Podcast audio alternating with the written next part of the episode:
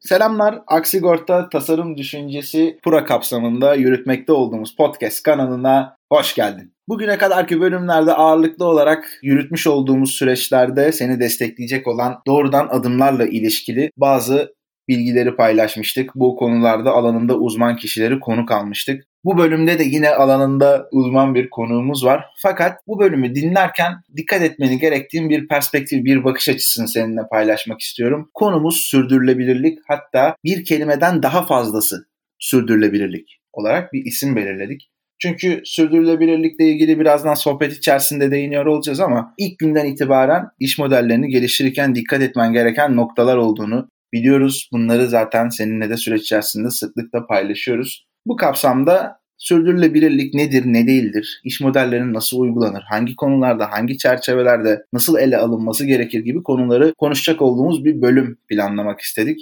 Ve bu bölümde de İMC ekibinden sevgili Alper Güven bizimle. Alper selam, hoş geldin, nasılsın? Hoş buldum Atakan. Çok teşekkür ederim öncelikle davetin için. Çok iyiyim. Sen nasılsın? Ne demek abi? Biz çok teşekkür ederiz. Vakit ayırıp geldiğin için. Ben de çok iyiyim. Bir yandan da heyecanlıyım. Bu konuyu konuşacağımız için mutluyum. Biraz önce Alper'le de kayıt öncesinde biraz sohbet etme fırsatımız olmuştu. Zaten orada da sürdürülebilirlikle ilgili dikkat etmemiz gereken bazı konulardan hatta işte dert yandığımız bazı böyle ortak meselelerden falan konuşma fırsatımız oldu. Şimdi onların hepsine değineceğiz fakat öncesinde Alper bir senin hikayeni dinleyerek bir başlayalım istiyorum abi. Tabii Atakan seve seve.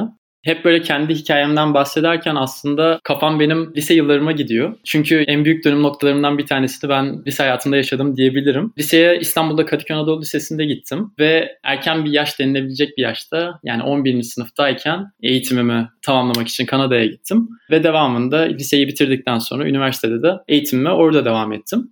Kanada'da ben lisans eğitimi ve ekonomi alanı üzerine yaptım. Ama ekonomi okurken de ilgi alanlarım işte daha çok politika ekonomisi, ekonomik kalkınma gibi alanlar üzerineydi. E tabii yani ekonomik kalkınma alanına ilgi duyan birisi olarak da böyle haşır neşir olduğunuz sorular genellikle işte bazı ülkeler diğerlerinden neden daha gelişmiş? İşte bir toplumun refah ve sosyoekonomik seviyesini artırmak için işte neler yapılabilir? İşte gelişmiş ülkelerle daha az gelişmiş ülkeler arasındaki makas nasıl kapanabilir? Ya yani böyle konularla aslında oldukça haşır neşir olduğum bir dönem diyebilirim benim için hani lisans eğitimim. O dönemde de bu alanları takip ederken veya araştırmalar yaparken aslında günümüzdeki bu sorunların işte iklim felaketi, artan işte küresel gelir adaletsizliği gibi konuların geçmişteki bu kalkınma teorileri tarafından çok da fazla böyle ele alınmadığını, bugünün problemlerinin biraz daha farklı olduğunu, bu yüzden günümüzde ekonomik kalkınmadan veya sosyal refah artırmaktan bahsederken aslında bunun sürdürülebilirlikten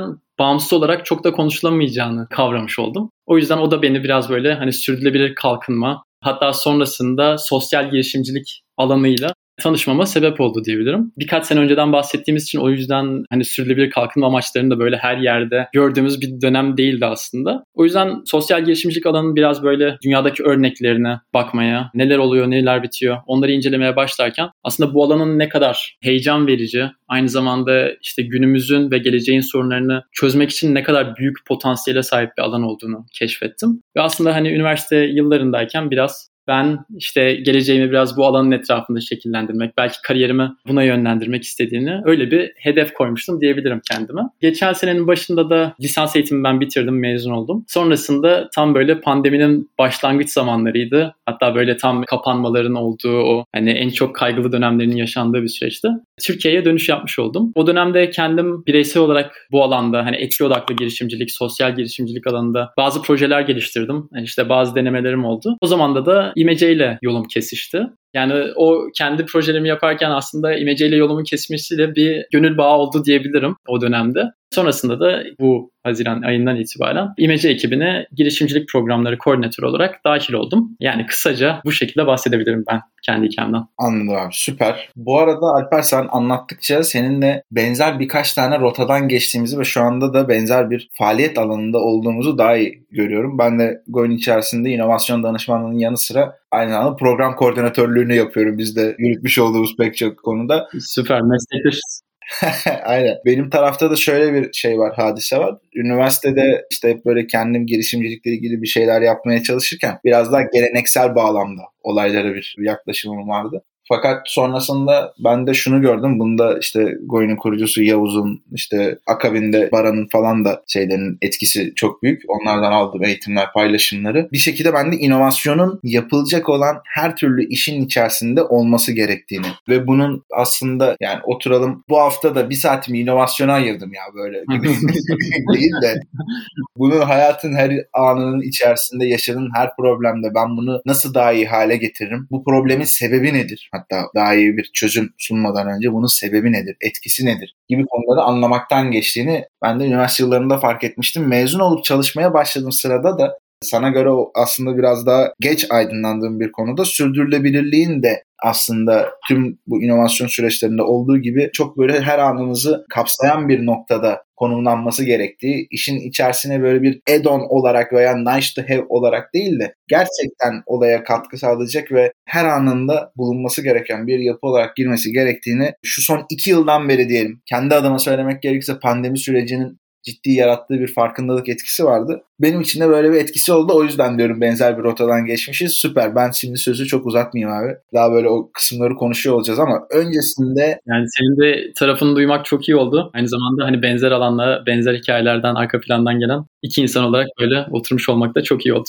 Kesinlikle, kesinlikle. Çok keyifli, çok sağ ol. Abi biraz da şimdi IMC olarak siz burada ülkemizde hatta biraz da böyle bildiğim kadarıyla global ölçekte de önemli katkılar sunuyorsunuz. Cidden değer yaratan çalışmalarınız var. Bu sebeple diyorum ki bir de şu IMC nedir, ne iş yapar, amaçları nedir gibi bir konulara değinsek ne harika olur. Tabii tabii. Seve seve. Burada bizim kendimizi tanımlama şeklimiz var. Bir de hani programlarımızı anlattığımız bir taraf var. Aslında bizim kullandığımız tanımla etrafımızı anlatırken kendimizi imece değişim yaratan bireylerin ve kurumların toplumsal, ekolojik ve kültürel meselelere çözüm üretmek üzere buluştuğu ve birlikte çalıştığı bir sosyal inovasyon platformudur. Peki yani insanlar ne iş yapar imece diye sorunca da ben bunu sunduğumuz aslında 3 ana programla anlatmayı tercih ediyorum. Bu şekilde daha açıklayıcı zorlayıcı ve yalın oluyor. Ya yani bir tarafta gençlik programlarımız var. Bizim Imagel Lab adıyla bahsettiğimiz. Buradaki programlarımıza katılan gençlere içerik, eğitim, mentorluk gibi destekler sunarak aslında onlarla birlikte insan odaklı tasarımı uygun olarak onların fikirlerini, projelerini geliştirmelerine yardımcı oluyoruz. Bu programlar işte bazıları 2 ay, bazıları 3 ay, bazıları daha kısa sürüyor. Ama sonuç olarak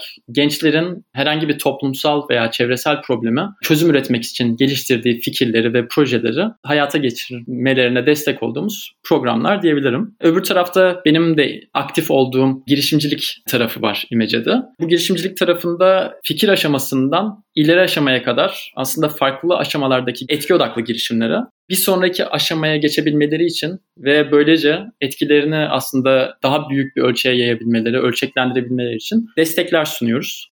Burada en son yaptığımız program bir hızlandırıcı programdı ileri aşama girişimler için. Bunu Image Impact programı adı altında yapmıştık. Zannediyorum onunla da bahsedeceğiz o yüzden çok detaya girmiyorum. Öbür tarafta da bizim Image Dialogues dediğimiz bir etkinlik serimiz var. Bu etkinlik serisinde etki ekosistemini aslında bir araya getirdiğimiz, bu alandaki paydaşları aslında bir masanın etrafına toplamaya çalıştığımız online ve fiziksel etkinlikler olarak ve alanda işte son gelişmeler neler, ne gibi ihtiyaçlar, problemler var, ne gibi fırsat alanları var. Bir taraftan bunları konuştuğumuz, öbür taraftan da işte belli sorunların ve temaların üzerine odaklandığımız etkinlik serileri yapıyoruz. Bu etkinliklerin sonunda oradan çıkan aslında çıktıları derlediğimiz, sentezlediğimiz genelde bir rapor olarak ekosisteme sunuyoruz. Yani bu üç ana program ve başlık altında ben İmece'nin yaptıklarını özetleyebilirim. Anladım abi. Süper, harika. Bence gayet net, açıklayıcı oldu. Ağzına sağlık. Burada hepsi birbirinden değerli. Yalnızca birazcık daha bir açmak istediğim bir IMC Impact tarafı var.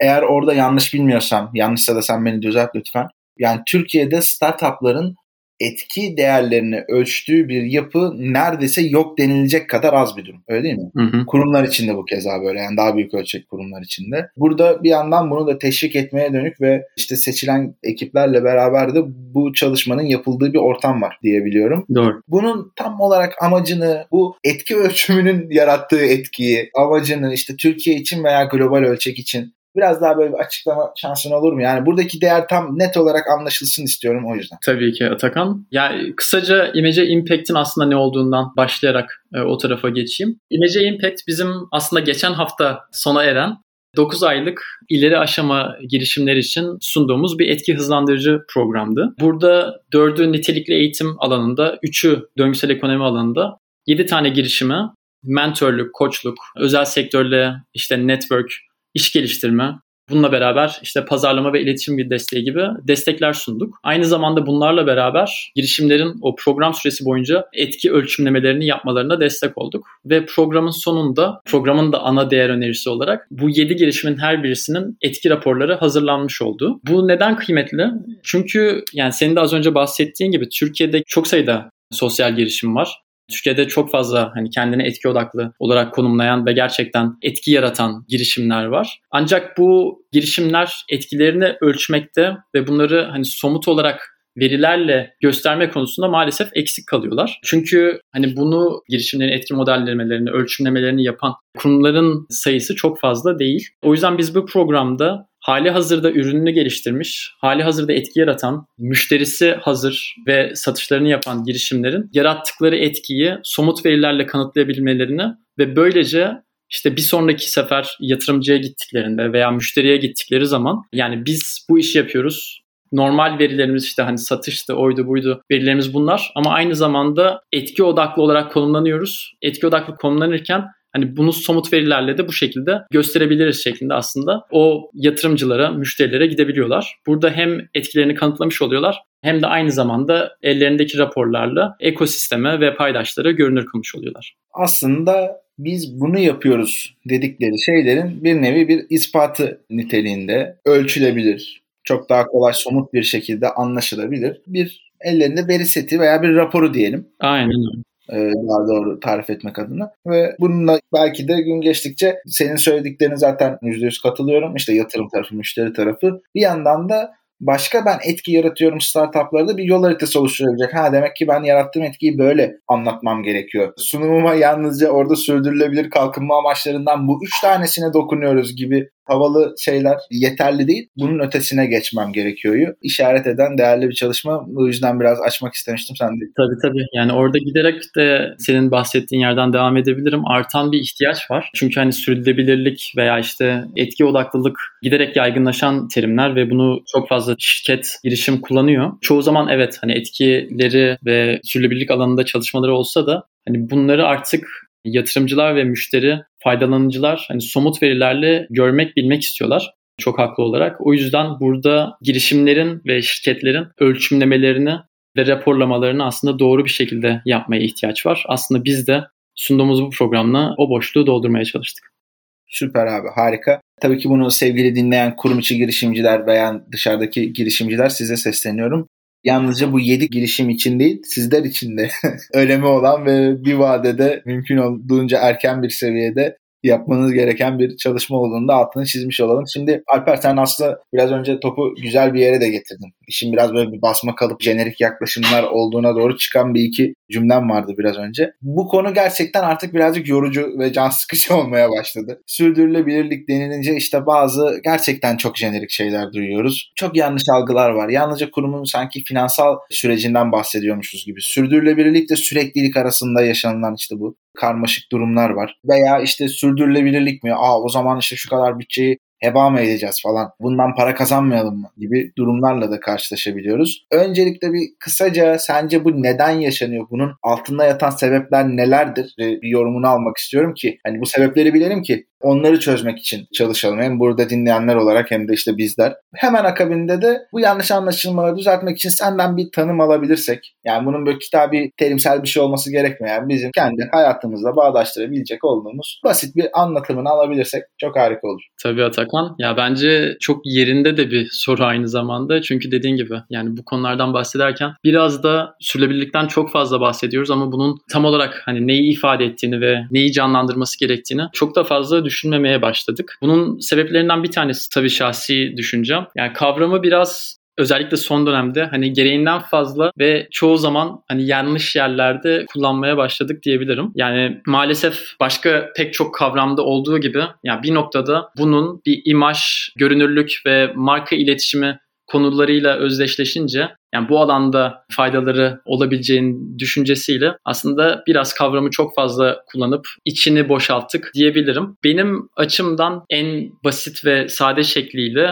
sürdürülebilirlik yani gezegendeki bütün insanların temel ihtiyaçlarını karşılayabilecek bir yaşam sürebilmeleri ve bunu yaparken de doğaya doğanın tamir edebildiğinden daha fazla zarar vermeden ve aynı zamanda gelecek nesillerin kaynaklarını tüketmeden yapabilmeleri anlamına geliyor sürdürülebilirlik. E tabi burada insan hayatından bahsederken, insanların ihtiyaçlarını karşılamadan bahsederken aynı zamanda diğer canlı türlerin de sürdürülebilirliğinden ve onların var olabilme halinden bahsetmemiz gerekiyor. O yüzden sürdürülebilirlik bize hem gezegeni paylaşan insanların ortak olarak birlikte nasıl yaşayacağımızı hem de tüm canlılarla nasıl ortak bir yaşam sürebileceğimizi aslında iki tarafı da anlatması gerekiyor şeklinde ben aslında kendi sürdürülebilirlik tanımımı yapabilirim.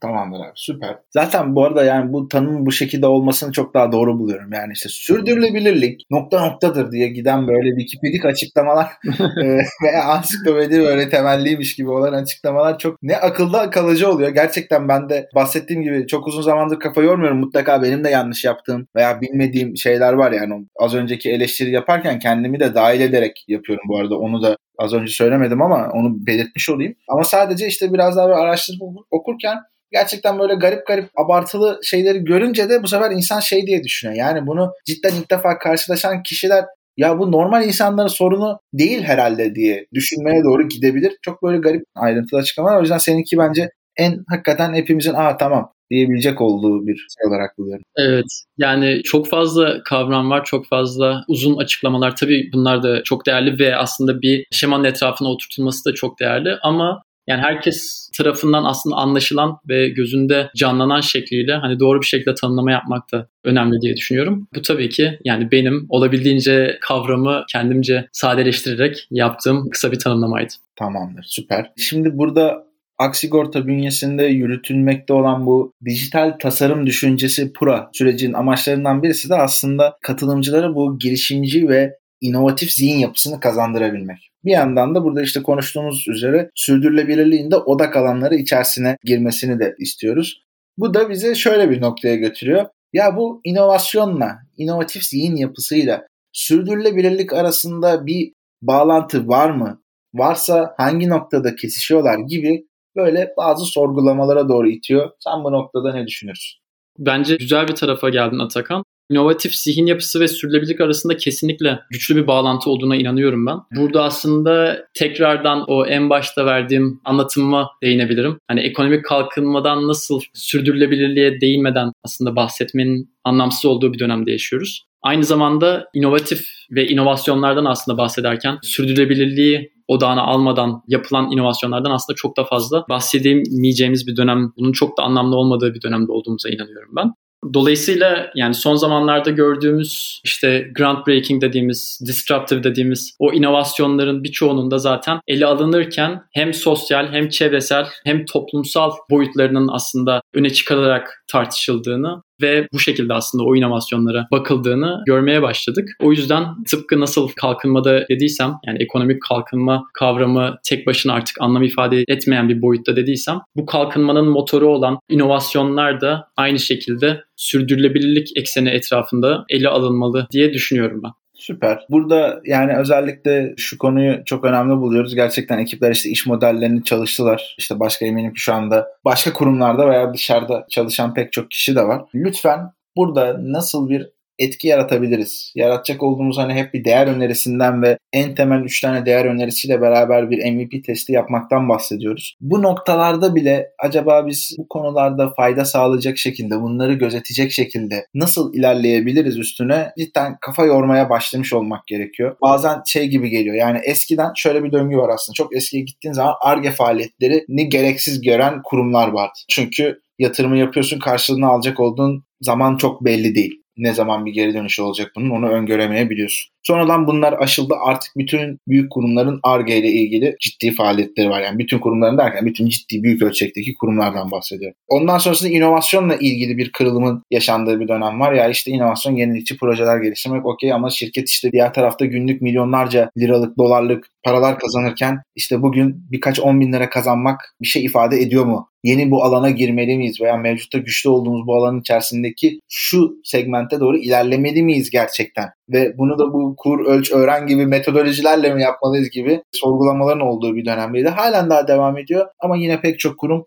bunları sahiplenmiş durumda ve günden güne artan böyle bir inovasyon birimi, o inovasyonun biriminin diğer kurumlarla daha yakın bir şekilde çalıştığı günlere doğru gidiyoruz. Keza sürdürülebilirlik içinde aynı durum geçerli. Bu konunun da hepsini kapsadığını ve ben önce şunları hele bir yapayım da ondan sonrasında bunu dahil edelim denilebilecek bir konu olmadığını unutmamak gerekiyor. Bir yandan da konunun bu akışı da çok hoşuma gitti. Bir de senin en başta söylediğim şey vardı. Sosyal girişimcilikle ilgili de deneyimin olduğunu, ilgi alakan olduğundan da bahsetmiştin abi. O yüzden hemen şunu da sormak istiyorum. Hemen bunların akabinde şey var biliyorsun. Ağırlıklı olarak sürdürülebilirlik ve etkiyle ilgili böyle güçlü bir şeyler ortaya koyan bir girişimci çoğunlukla kendisini sosyal girişimci olarak nitelendiriyor. Veya işte sosyal girişimci olarak nitelendirenler biraz daha burada hassas oluyor diyelim. Şimdi sosyal girişimcilik ve inovasyon, sürdürülebilirlik gibi konular ele alındığında burada sosyal girişimcilik nasıl konumlanıyor?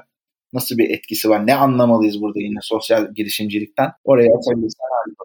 Öncelikle senin az önce yaptığın yorumlara değineyim Atakan. Yani gerçekten orada çok doğru bir tarafa değindim bence. Ya yani bir taraftan hani sürdürülebilirlikten bahsederken ve inovasyonların aslında bunun etrafında şekillenmesi gereğinden bahsederken yani aslında şu anda hani ortaya çıkan girişimlerin ve şirketlerin biraz bunun farklı bir yaklaşımıyla hareket ettiğini görüyoruz. Yani genelde şöyle oluyor az önce ifade ettiğin gibi. Bir girişim ortaya çıkıyor veya işte bir şirket operasyonlarını sürdürüyor ama sonrasında hani ben bir ürün geliştiririm veya yeni bir hizmet geliştiririm. Bunun üzerine bir sürdürülebilir katmanı eklerim nasıl olsa şeklinde görülüyor. Ama senin dediğin gibi hani gerçekten burada bir etkiden bahsetmek ve sürdürülebilirlikten bahsedebilmek için bu girişimcinin veya ortaya çıkan o işletmenin aslında ilk günden itibaren mindset kısmında kendine hani sürdürülebilirlik üzerine hani somut olarak neler geliştireceğini ve sürülebilirlik etrafında sorgulamalara girmesi gerektiğine inanıyorum ben de. Burada sosyal girişimler, inovasyon, sürdürülebilirlik konuları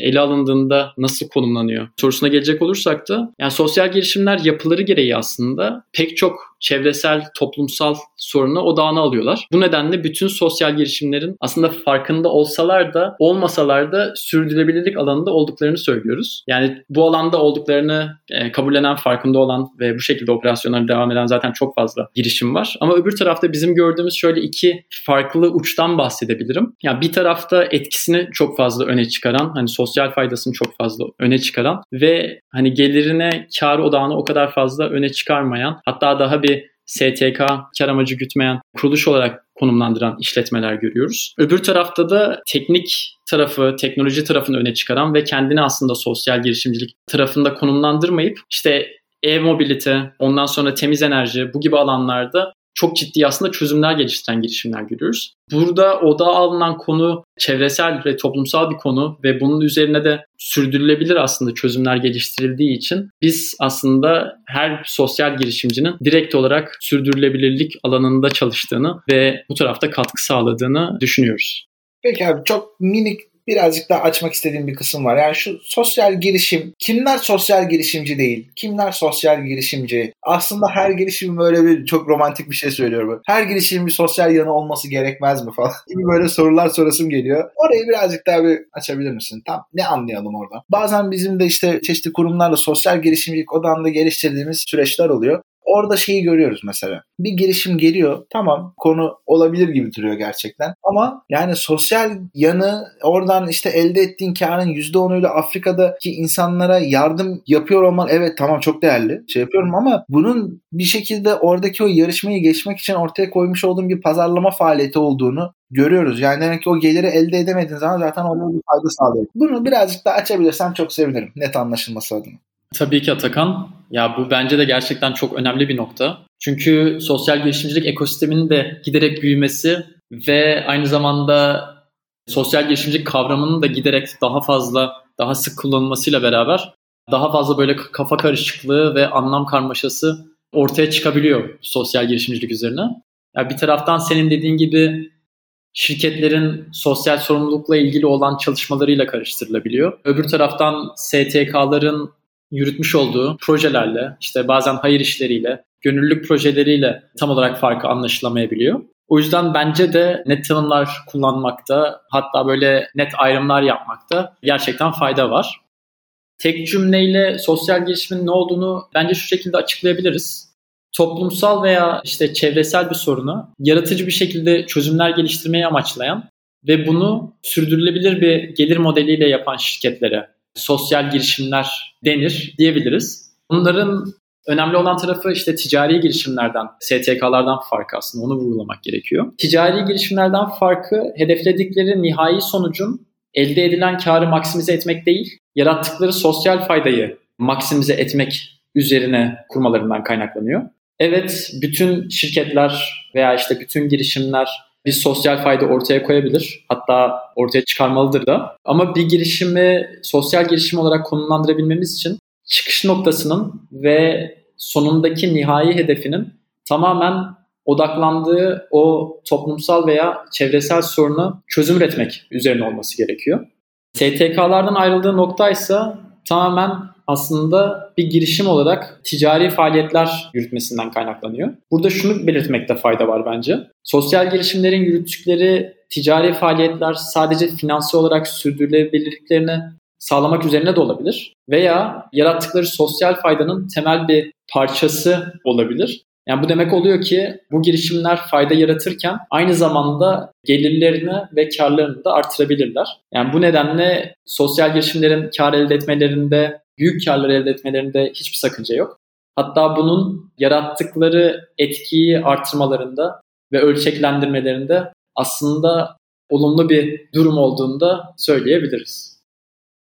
Anladım süper. Aslında bir sonraki soruma da değinmiş oldun. Orada değinmiş derken hatta net bir şekilde cevaplamış oldun. Bazen işte sosyal girişimler yap çok para kazanmamalıyız falan gibi sanki ayıp bir şeymiş gibi düşünebiliyorlar. Halbuki orada benim hep aklıma gelen bir şey pek çok sosyal girişimci de bunu söylüyor ama birebir tanışma ve yine bir podcast kaydında ağırlama fırsatım olduğu için söylüyorum. İşte teyit.org'un kurucusu Mehmet Atakan Foça bu durumu mesela şöyle özetlemişti. Biz dedik kar ediyoruz. Zaten ettiğimizi de sitemizde de çok net bir şekilde paylaşıyoruz. Gerçekten çok hesap verilebilir bir takip edip orada ne oluyor ne bitiyoryu görebiliyorsun. Gerçekten herkesin o detayda yapmayacağı ben bile kendim yapıyorsam o detayda acaba bunu paylaşır mıyım diye sorguladığım seviyede bir şeffaflığı olan bir kurum teyit.org. Onun da söylediği şey biz zaten elde ettiğimiz bir kar var ve bu karı da temettü olarak dağıtmak yerine bunun büyük bir kısmıyla yaratmış olduğumuz etkiyi nasıl daha yukarıya çekebiliriz? Nasıl daha kuvvetli bir hale getirebiliriz? Bununla ilgili çalışıyoruz demişti. O yüzden ister kurum içinde olsun ister kurum dışında olsun sosyal gelişim odaklı çalışan ekiplere de bu konuda böyle bir tavsiyede bulunmuş olalım. Şimdi yavaş yavaş sohbetin sonuna doğru da yaklaşıyoruz. O yüzden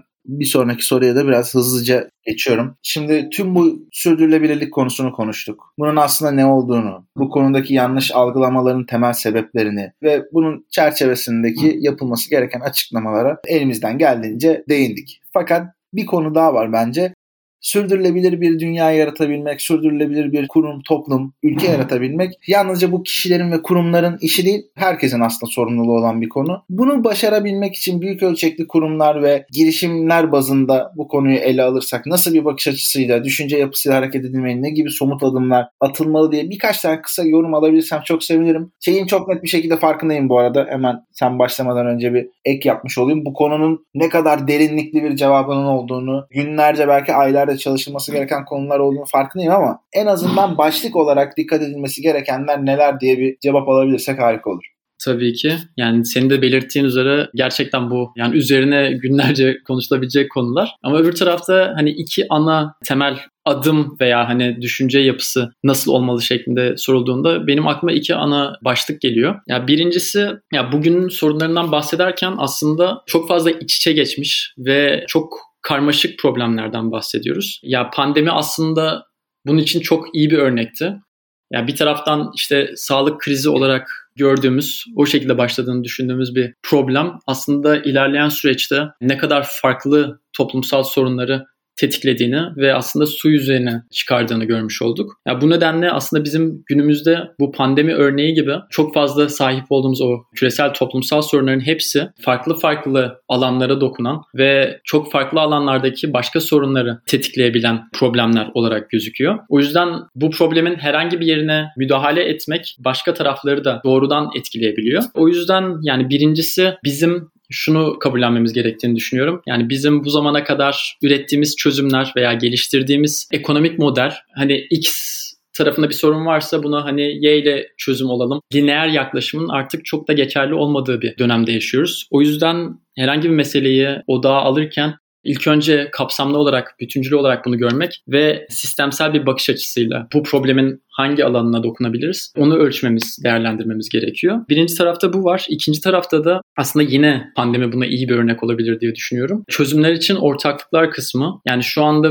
bizim bahsettiğimiz hani çevresel, toplumsal, ekonomik sorunların hiçbirisi tek bir kişi, tek bir kurum, hatta tek bir ülke tarafından çözülemeyecek boyutlardalar. Bunu aslında zaman geçtikçe daha iyi görebiliyoruz. O yüzden mutlaka ve mutlaka bugün herhangi bir yani bu bahsettiğimiz sorunlardan bir tanesine odaklanırken aslında nasıl nasıl ortaklıklar geliştirilebilir? Burada hani tek başına müdahale etmektense farklı taraflardan hangi paydaşlarla nasıl bir ortaya çalışma konulabilir? Onları değerlendirmek gerekiyor. O yüzden çözüm için mutlaka bir araya gelinmeli. Sadece probleme tek başına müdahale etmek değil, olabildiğince çözüm için nasıl ortaklıklar geliştirilmeli ona kafa yorulması ve bu şekilde hareket edilmesi gerekiyor. Anladım ben. Süper. Burada aslında bir de son olarak şeyi soracaktım ben sana. Aksigorta dijital tasarım düşüncesi pro sürecindeki veya buna benzer şu anda bu bölümü dinlemekte olan başka kurum içi girişimcilere özellikle burada iş fikirlerinde sürdürülebilirliği gözeten adımlar atabilmeleri için ne gibi iş modelleri geliştirme sürecinde veya işin başka süreçlerinde ne gibi tavsiyelerde bulunmak istersin diye bir sorum olacaktı ama bunun içerisinde aslında buna bayağı bir cevap da vermiş oldun bir önceki sorunun içerisinde. Eğer eklemek istediklerin varsa onu alabilirim. Eğer yoksa da yavaş yavaş kapanışa doğru geçebiliriz. Tabii. Ya yani orada çok kısa bir ekleme yapabilirim aslında. Dediğin gibi bir bölümde zaten değindim hani sürdürülebilirlik tarafına. Ama öbür tarafta hani girişimcilikle alakalı olan kısımda hani kendi geçmişte yaptığım hatadan ve hani acı tecrübelerden aslında elde ettiğim o tamamen, en sevdiğim yer. Tamamen bireysel bir tecrübeden bir tavsiye verebilirim. Ya burada çoğu girişimci özellikle erken aşamada olanlar şu hataya düştüğünü görüyorum ben. Ben de kendim düşmüş birisi olarak bunu söylüyorum. Genelde biz bir problemi ele alırız ve sonrasında bu probleme çözüm üretmek için geliştirdiğimiz fikre biraz aşık oluruz diyebilirim. Ya bir taraftan işte girişimcilikte inatçı olmak, hani kendine inanmak çok güzel kavramlar ve çoğu zaman faydalı olan özellikler olsa da bir noktada girişimcinin aslında o çözüm üretmek istediği probleme odaklanırken fikrine değil aslında biraz problem üzerinde inat etmesi gerektiğini her zaman ben tavsiye ediyorum ve biraz daha içselleştirmeye çalışıyorum diyebilirim. Dediğim gibi yani hem kendi açımdan hem de etrafında çok sık gözlemlediğim bir problem bu. O yüzden hani sizin program sürecinde de zannediyorum şu anda persona görüşmeleri ve aslında kullanıcı görüşmelerinin olduğu bir dönem. O dönemde mutlaka olabildiğince hani fikirleri sıkı sıkıya tutunmak hani hiçbir şekilde değiştirmek değil kullanıcı görüşmelerinden alabildikleri feedbackler yeterli. Gerektiği yerlerde işte pivot etmek, gerektiği yerlerde çözümü başka hangi boyutlarda, başka hangi alanlarda değiştirebiliriz onları da düşünmeleri gerektiğini ifade edeyim ben. Tamamdır. Alper valla çok teşekkür ediyorum. Hem vakit ayırıp programa konuk olduğun için hem burada bu keyifli sohbetin için hem de güzel tavsiyelerin için en sonunda da kendi deneyimlerinden yola çıkan bir paylaşımın olması da ayrıca değerli. Ben de bu tarz paylaşımları hem kendim yapmayı hem de başkalarından da özellikle bu deneyim paylaşımlarını dinlemeyi çok çok severim. Ee, o yüzden Ağzına sağlık diyorum. Çok teşekkür ederim tekrardan konuk olduğun için. Ben de çok teşekkür ederim Atakan. Çok keyifliydi benim için. Tekrardan davetiniz için teşekkür ediyorum. Ne demek? Biz teşekkür ederiz. Kendine çok iyi bak. Görüşmek üzere. Sen de öyle Atakan. Görüşürüz. Güle güle.